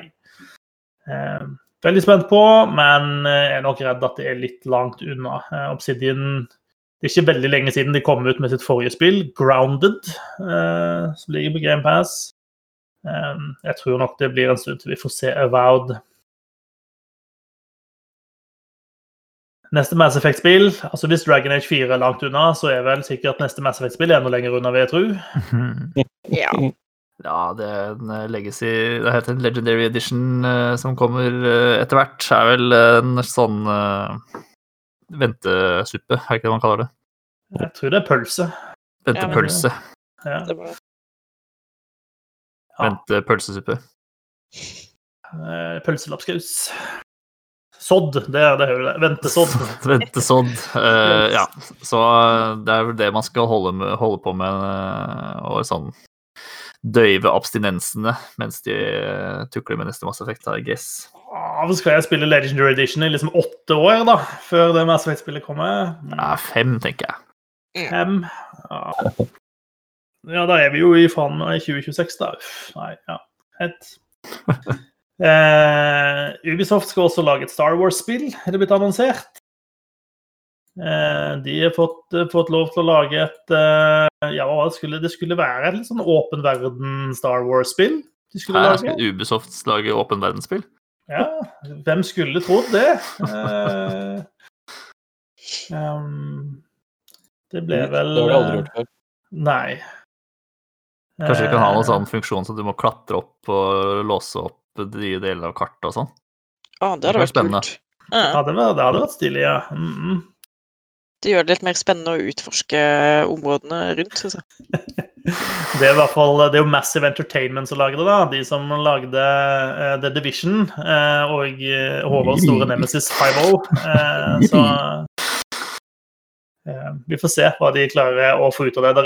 Der er, nesten ingen informasjon om det, men der ligger et overraskende langt intervju ute på Ubisoft sine sider der de annonserer dette. Eh, der de stort sett bare sier om hvor flott det er å jobbe med Star Wars, og dette er en stor ære, og sånn og sånn. og sånn. Eh, Vi er flinke til å lage store spill, og vi liker ting som er gøy. Ja. Eh, Men det er nok dessverre lenge til. Og så kommer det et par sånne eh, gjengangere, skal vi kalle det, på denne lista, føler jeg. Uh, første er Skull and Bones. Der tror jeg du, Håvard, har hatt noen sånne hårete predictions tidligere eh, om, om når det spillet kom ut. Eh, Jeg vet ikke om jeg har spådd så mye av det, men eh, for det er jo dette sjørøverspillet til Ubisoft. ja. eh, som som er inspirert av, av sjøkampene i Assassin's Creed 4. Yes. Um, og det Jeg husker ikke når det ble annonsert engang. Sånn 2017 eller noe sånt? Altså, Skulle ikke det liksom egentlig komme ut sånn rundt om når Sea of Thieves kom ut, liksom? Jo, for det skulle komme ut sånn siste halvår i 2018, tror jeg. Ja. Uh, og så ble det utsatt til ut i 2019, og så ble det utsatt til mars 2020, og så eh, er nå er spillet nå utsatt eh, til en gang mellom april 2021 og mars 2022. Um, altså Altså- neste finansår. ja. Det er ikke bare utsatt til det, det kommer tidligst i det finansåret, er vel det de sier. Eh, ja, tidlig. Så det mm, Jeg tror ikke du får sånn kjempemye penger igjen hvis du vedder på at dette spillet aldri kommer ut. Nei. Um, for det var noe sånn I fjor høst så plutselig så jeg skulle ha en ny visjon og det ene og det andre. Um, de har sikkert scrappa det spillet opp til flere ganger og begynt på nytt igjen. Jeg tror jeg. ja, det er litt redd for det. Det, var, det var veldig ambisiøst, og så har de sikkert funnet ut at dette var jo ikke noe, noe gøy, eller dette kunne jo ikke funke i lengden. Så ja, nei, I don't know. Ja, altså de må, og nå har det gått så lang tid altså fordi det skulle, det, Som du sa i stad, så skulle det og Sea of Thieves komme sånn ish samtidig, tror jeg. Mm. Um, og Sea of Thieves var jo et takras da det kom. Um, men har liksom blitt oppdatert og, og fiksa på, så nå er det liksom Går det an å ha det gøy i Sea of Thieves, da? Mm. Um, Enda et uh, bevis på at det er aldri for seint å begynne med bugfiksing. Nei, nettopp.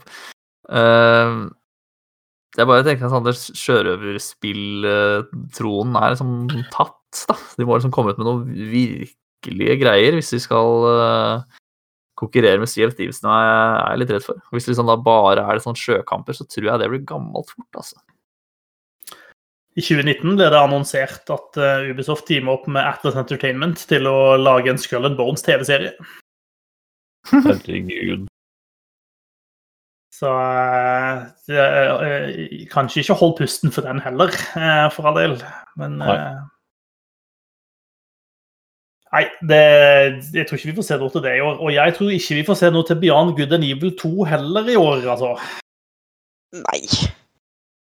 Nei. Det- Er det det man kaller radio silence derfra? Ja, altså Der, der har de drept seg ut ordentlig, tror jeg. For der gikk det jo hardt Et år på E3 så gikk det jo veldig hardt ut. Men liksom nå kommer Beyond Good and Evil 2, folkens. Nå er dette i gang. Her er det, Nå skal vi ha prosjekter som dere kan være med på, dere som er fans av serien. Kan være med og liksom lage litt sånn eh, ja, Være med og gjøre litt av worldbuildingen da, eh, til Mm. spillet, og, og folk skulle være med og sånt. Og så Nei alt har bare vært helt dødt i, i lang tid, og det er ingen som vil si noen ting om spillet. Det eneste er at eh, det er sånn eh, En og annen sjef har vært ute og sagt at jo da, det, vi holder fortsatt på med det, altså. Mm. Jeg føler det er litt sånn som, det er litt sånn som eh, for, for en del år tilbake, når liksom eh, Sovjet måtte liksom finne frem sine gamle ledere og si jo da, se her, han lever ennå, vi har ikke tatt livet av han, altså, han finnes ennå. Det er litt, litt sånn samme vibbene her. Eh, Trist. ja, kjempetrist. Jeg, Mm. Jeg, jeg, jeg har mye mer tro på at vi får et Starfield enn at vi får Beyond Good and Evil 2, altså. Det, det må Ja. jeg bare si. Hellblade 2. Yes. Det ser jo Altså, det- ja, den traileren der er jo helt uh, kokossjuk. Den er vil. Eh, så jeg, altså, jeg håper jo at det kommer i år. Eh, jeg tviler. Eh, men fy faen, så kult det hadde vært. Det gjorde det. Ja, ja for det, det er ikke noe Ninja Theory har ikke sagt noen ting om når det skal komme. Nei. Det har vært veldig stille om det spillet siden den eh, fete traileren. Ja, altså, det er jo Den traileren der var jo basically en mic drop. De trenger jo ikke å De trenger ikke å gjøre noe annet nå. Nei. Det var kult å slippe spillet på den tidspunktet. Å, fy fader. Jeg er veldig spent på hva de har tenkt å gjøre liksom sånn historiemessig. Eh,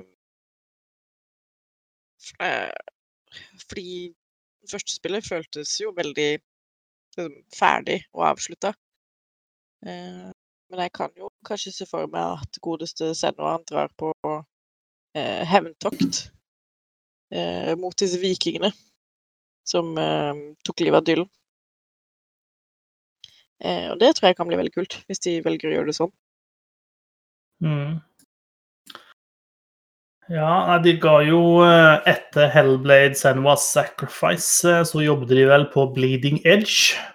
Et spill som vel fikk eh, middels suksess, skal vi vel, hvis vi er snille, tror jeg. Ja, det er vel Har det vel ikke gått ut allerede og sagt at de stenger serverne innen kort tid? Så det spillet var jo dødt omtrent før det kom. Ja. Dead on release. Mm. Ja, det, så, så de bruker nok ikke fryktelig mye tid på det lenger, men eh, det er ikke så lenge siden det spillet kom ut. Det kom ut i fjor, så det er ikke sikkert de har hatt så lang tid i full produksjon på Hellblade 2, så ja. Det, Jeg ikke. Det kjede, jeg testa Bleeding Edge så vidt jeg, og det kjennes ikke ut som det er de samme folka som lagde de to spillene. Så Det er lov å håpe at det var et litt annet team som jobba med Bleeding Edge, men Ja. ikke veit jeg. Elden Ring. Det er noe som noen er interessert i, da? Å ja. Eh, men om det er et spill, og om det kommer i det hele tatt, det er jeg ikke så sikker på. Men at jeg skal kjøpe det når det kommer, det er jeg helt sikker på.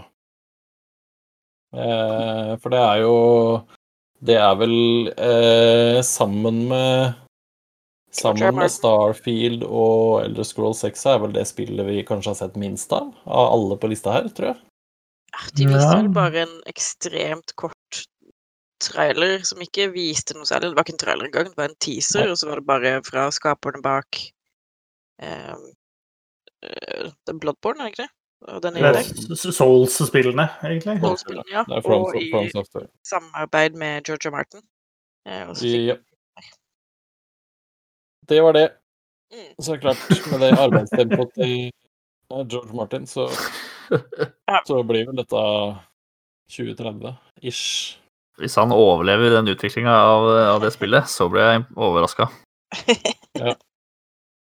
Nei, jeg er veldig, de har vel det eneste De har vel Det er ikke så lenge siden en eller annen der også har sagt at jo da, vi, vi vet at det er en ting, og vi holder på med det. Men ja. Nei, jeg, jeg holder ikke pusten for det spillet der, ass. Det gjør jeg ikke. Nei. Og da er vi kommet til siste plass på lista. Everwild. Hva var det for noe igjen, da? Det var det jeg som heiv på helt på slutten.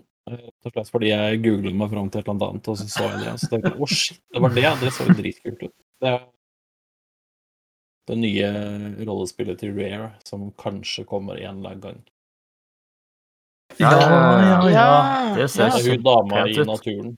Ja, det Mm. ser jo helt Mm. sjukt ut. Så hvis det er noe i nærheten av det de har vist nå, så er man jo helt med.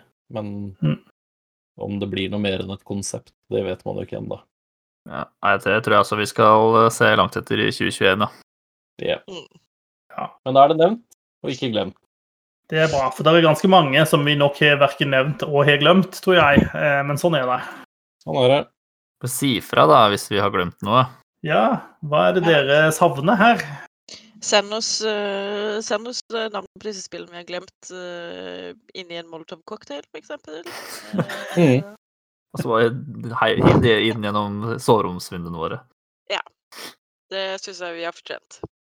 Det var da voldsomt. Jeg tenkte dere kunne kanskje skrive det på en lapp og hekte den i en busk i nærheten av Susanne, så hun kan ta bilde av det fra leiligheten sin, så hun slipper å gå ned til buskene.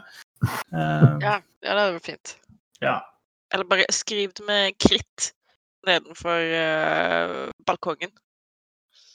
ja. Eller du kan på en måte luske rundt i skogene i rundt huset til Gjøran og vente på at en toppløs mann på ski kommer som skiene forbi, eh, og hooker tak i han eh, og roper det til han. Ja. Det, det er også en mulighet. Eh, ellers er vi også på masse sosiale medier der det går an å få tak i oss. Mye gøy Vi vente. Vi er kommet til veis ende for denne sendinga. Eh, neste sending så skal vi bl.a. prate masse om Hitman 3. Eh, et spill jeg har spilt og spilt igjennom i år. Oi, oi, oi! Yes. Yep. Forventer klapp og klem fra Håvard for hvert spill jeg klarer å runde i år, syns jeg. Nyttårsforsett er i rute. Yes. Eh, og kanskje Håvard spilte litt Hyrule Warriors eh, til neste uke også. Så får vi Det høre litt om har. om hvordan det funker. Eh, Så det er litt å glede seg til der også. Takk for at du hørte på oss. Ris og ros tas imot med takk. Eh, I hvert fall ros. Kanskje, kanskje blir Susanne sint hvis vi får ris, men det, det, får, det får du tåle konsekvensene av, tenker jeg. Tenk deg, tenk deg nøye om. ja, tenk, tenk, ja, tenk det to ganger i hvert fall. Ja. Det var det. Takk for oss fra meg og Håvard og Susanne og Gøran. Det var hyggelig at du hørte på, og på gjenhør om en ukes tid. Hei så lenge. Adios. Ha det bra. Hasta la vista. Tchau.